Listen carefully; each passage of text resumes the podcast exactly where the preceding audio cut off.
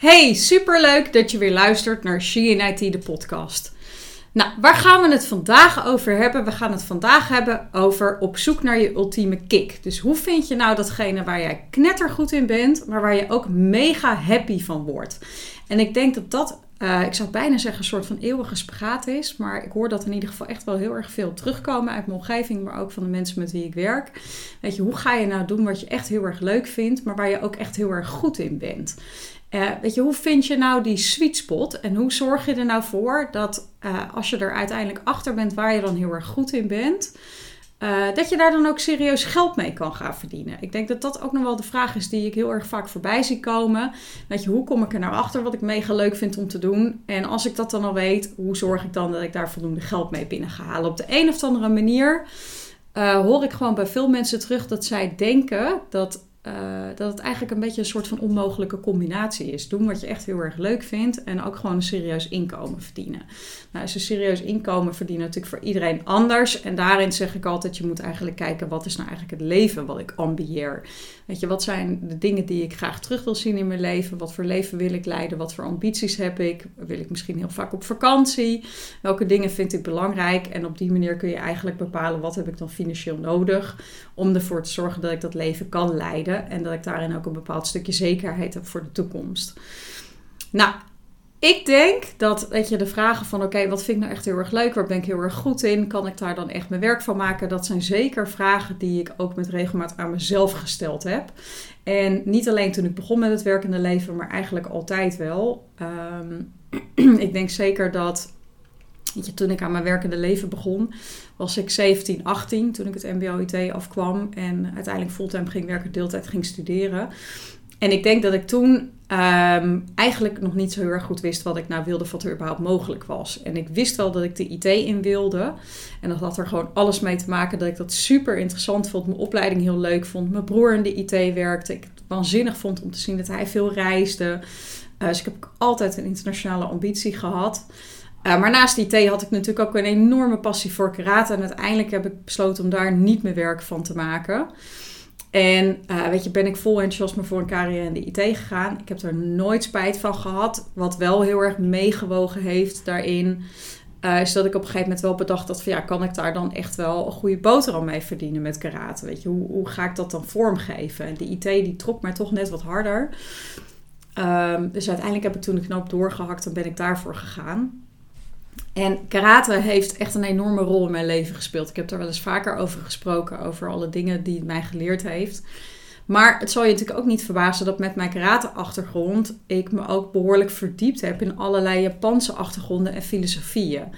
En ik vond het super interessant om alles over karate te leren, maar ook over de hele levensstijl daarachter. En um, weet je, een aantal dingen die uh, mij altijd bijgebleven zijn van het karate is onder andere het karate is a way of life. Weet je, een aantal keren heb ik het privilege gehad dat ik uh, één op één mocht trainen met onze grootmeester, met Suzuki Sensei. En uh, dat is echt op een aantal fronten een enorm geschenk voor me geweest. En ik kan me voorstellen als je niet uit het karate komt dat je denkt, mijn hemel, ja, wat betekent dat dan?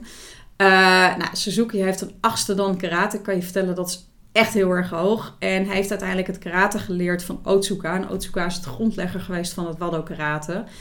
En uh, ja, het feit dat ik één op één met hem mocht werken, uh, heeft voor mij een enorme impact gemaakt. En weet je, er zijn een aantal dingen die ik van hem geleerd heb. Nou, en de eerste is dus, weet je, karate is echt een way of living. En dat is het ook absoluut. Weet je, het, blijft niet alleen bij sport, maar het heeft zoveel meer impact op ons. En in ons doen en laten en denken dan dat we eigenlijk vaak bedenken van tevoren. Of waar we bij stilstaan, maar dat is het echt. Een ander ding is meebewegen met het water. Weet je, hoe, we, hoe ga je eigenlijk uiteindelijk om met de uitdagingen die het leven op je pad brengt? En veer je mee? Of heb je een bepaalde weerstand? Of leer je eigenlijk om te gaan met die kleine golven die voorbij komen?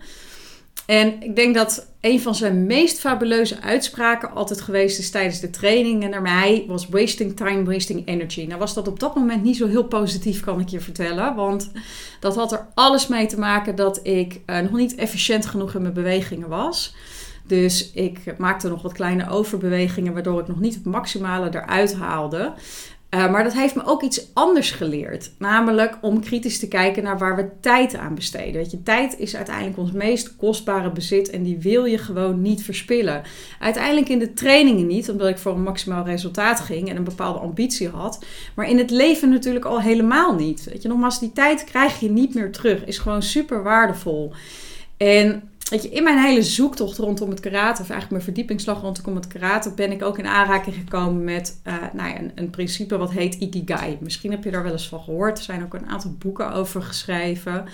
Uh, maar Ikigai komt dus uit de Japanse cultuur. Uh, en dan met name uit Okinawa.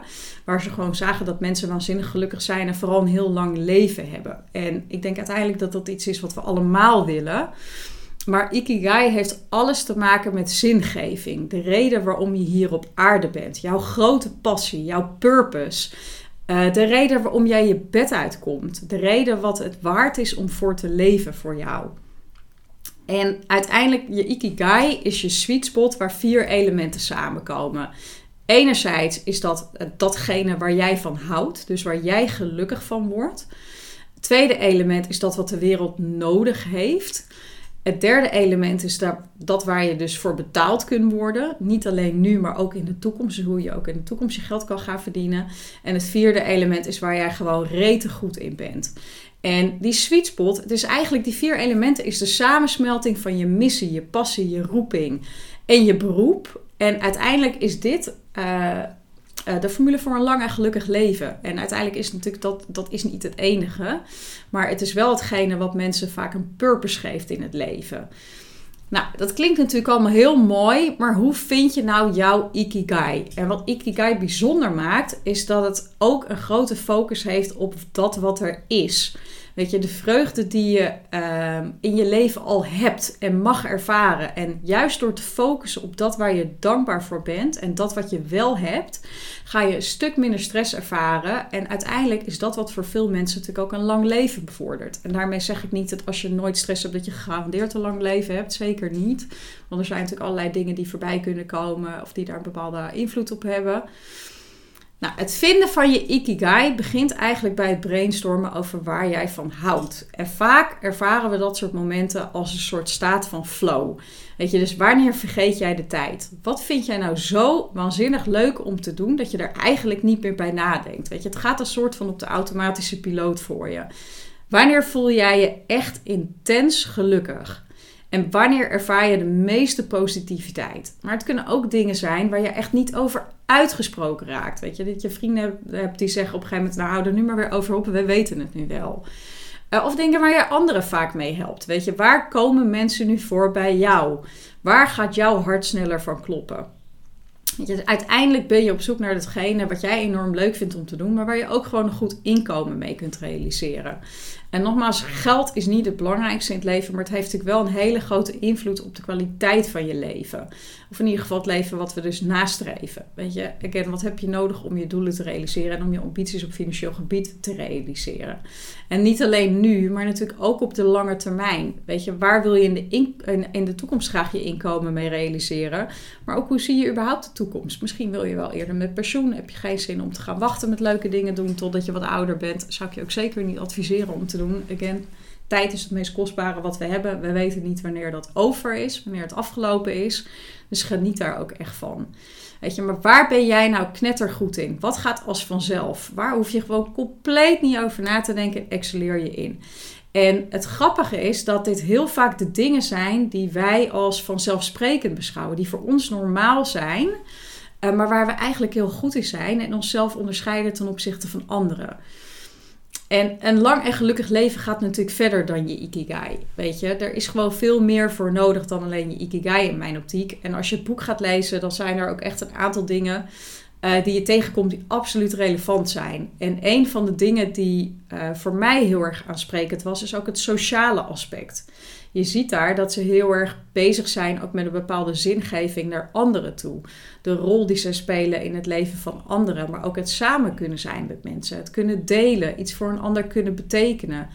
En uiteindelijk is dat ook een essentieel onderdeel van gelukkig kunnen zijn. Weet je, de rol die je voor een ander inneemt. Uh, maar uiteindelijk, ik denk dat geen enkel mens um, ontworpen is om alleen te zijn. Ik denk dat we allemaal een bepaalde behoefte aan verbinding hebben en verbondenheid hebben met iemand. En uh, dat klinkt misschien gek, want ik weet dat ik ook heel vaak deel dat ik uh, ook echt wel wat introverte tikkeltjes heb. Dus ik waardeer echt de me-time. Ik moet niet te veel sociale dingen hebben, want ik merk gewoon dat dat voor mij energie kost. En dat ik ook momenten nodig heb waarop ik gewoon kan zijn en mijn eigen ding kan doen.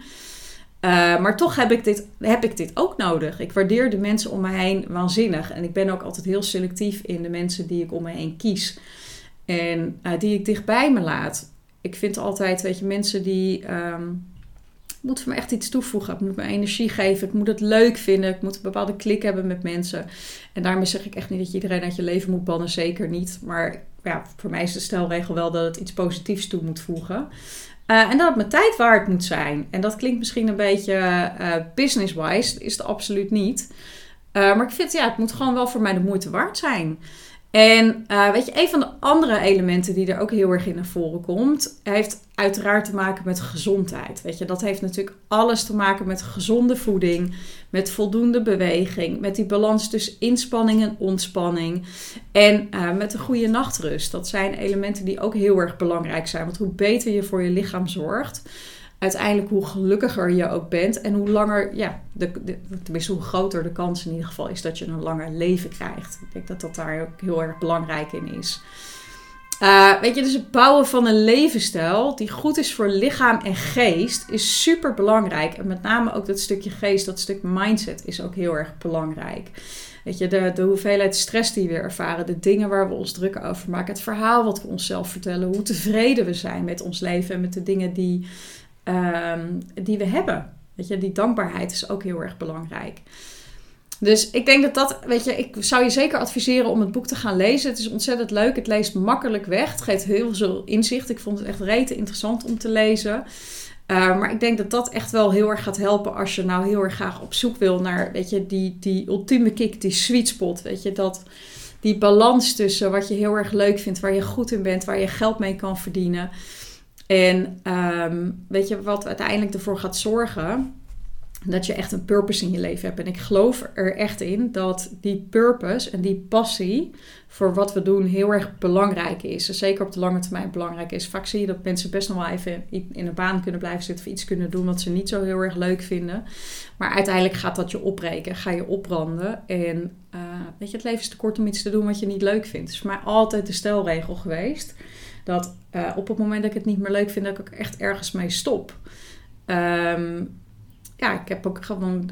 Ik denk dat ik uh, dat ook altijd gedaan heb, ook op de momenten dat ik het misschien financieel minder voor elkaar had dan dat ik het nu heb. Weet je, dus ook als ik die zekerheid niet had, heb ik daar wel altijd voor gekozen. Ik vind namelijk, je blijft niet ergens zitten als je niet happy bent. Weet je, dat is gewoon zonde. Is zonde voor de organisatie, is zonde voor jezelf. En is ook zonde voor alle potentie die je in je hebt. En het vinden van die sweet spot zorgt er dus ook voor dat je al die potentie uit jezelf gaat halen. En waarom is dat nou zo belangrijk? Juist omdat je dan dus het idee hebt dat je tot bloei komt en dat je het verschil kan maken. En niet alleen voor jezelf, maar ook voor de mensen om je heen. Weet je, hoe gelukkiger jij bent, hoe gelukkiger de mensen om je heen zijn. En eh, dan denk ik, als dat iets is wat je, wat je kan achterlaten, wat je mee kan geven aan mensen, hoe waardevol is dat? Hoe bijzonder is dat? Alright, dit was hem weer voor vandaag. Super leuk dat jullie geluisterd hebben. Um, ik waardeer jullie input enorm. Ik krijg heel veel leuke berichten en blijf dat vooral doen. Mochten er nou dingen zijn waar je graag meer over hoort, laat me dat vooral weten. Ik ga ook een aantal onderwerpen, elementen van een LinkedIn-poll die ik onlangs gedaan heb. Dus daar ga je ook dingen over terugzien. Het heeft te maken met ondernemerschap, leiderschap, mindset, slimmer werken. Het is best wel uh, brede onderwerpen, dus laat mij echt vooral weten als je andere dingen graag leest of hoort. Ik verwerk dat echt heel graag in de content. En uh, mocht je andere vragen hebben, dan hoort het uiteraard ook heel graag. Dankjewel voor het luisteren en tot gauw.